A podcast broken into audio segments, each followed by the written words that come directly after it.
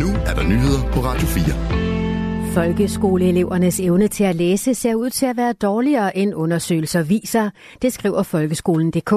Det skyldes, at Danmark fritager flere elever fra at deltage i nationale test end i mange andre europæiske lande.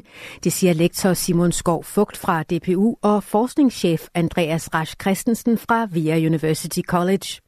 Dermed kan de nationale test give et forkert billede af elevernes reelle faglige niveau, vurderer de to forskere. I 2022 blev knap 12 procent af eleverne ekskluderet i Danmark fra PISA-undersøgelsen. Det er markant flere elever end i de fleste andre lande. Faktisk var det kun krigsramte Ukraine, der fritog flere elever end Danmark fra den nationale test i 2022. PISA-undersøgelsen måler det faglige niveau i flere fag hos de 15-16-årige elever. Kriterierne for at blive fritaget i Danmark er fysiske og sociale handicap, meget begrænset kendskab til det danske sprog eller tal og ordblindhed. I den svenske forlystelsespark Liseberg i Jødeborg er den mand, der har været savnet siden der i mandags udbrød en voldsom brand fundet død i brandtomten. Det oplyser svensk politi ifølge nyhedsbyrået TT. Manden var byggepladsleder på Lisebergs nye badeland Oceania, som branden brød ud i. Svensk beredskab sagde tidligere på ugen, at det var en vandrusjebane, der gik i flammer. Det er endnu uvist, hvad der forårsagede branden. I nat træder EU's lov om digitale tjenester, den såkaldte DSA, i fuld kraft. Christel Schandemose var parlamentets chefforhandler for loven. Den omtales ofte under sit engelske navn Digital Services Act eller blot DSA. Schandemose, der sidder i EU-parlamentet for Socialdemokratiet, kalder loven en stor sejr. Det er med til at gøre, at at vi står bedre over for de her kæmpe store øh, platforme, når, vi, øh, når de opfører sig over for os på en forkert måde. Så helt grundlæggende, så får vi gjort op med det vilde vesten fra i morgen. Med DSA'en får brugerne af online-platforme ret til at få fjernet ulovligt indhold så hurtigt som muligt. Det bliver også forbudt at målrette reklamer til børn og unge ved for eksempel at bruge data om deres likes og netværk. Alligevel mener Christel Schaldemose ikke, at loven er kommet helt i mål.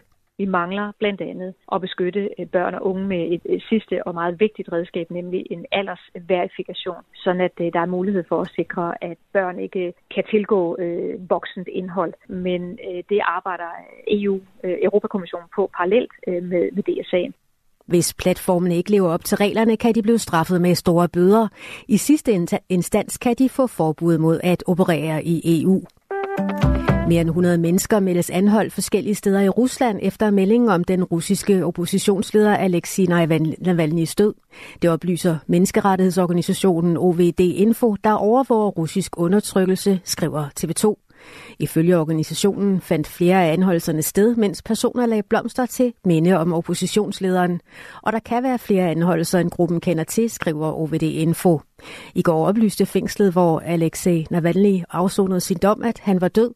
Ifølge fængslet følte den 47-årige politiker sig utilpas efter en spacertur og mistede kort tid efter bevidstheden. Det siges, at han herefter modtog akut behandling, men at hans liv ikke stod til at redde. Når der i aften afholdes Dansk Melodi Grand Prix, bliver det med kendte navne. Årets deltagerliste tæller blandt andet den tidligere X-Factor-deltager Basim.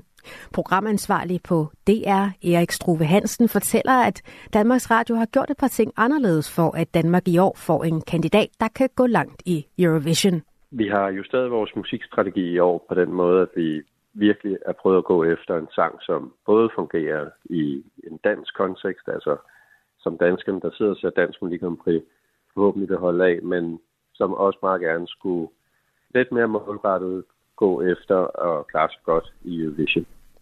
Ja, og man kan roligt glæde sig til at slå sig ned for en skærm i aften, lover han.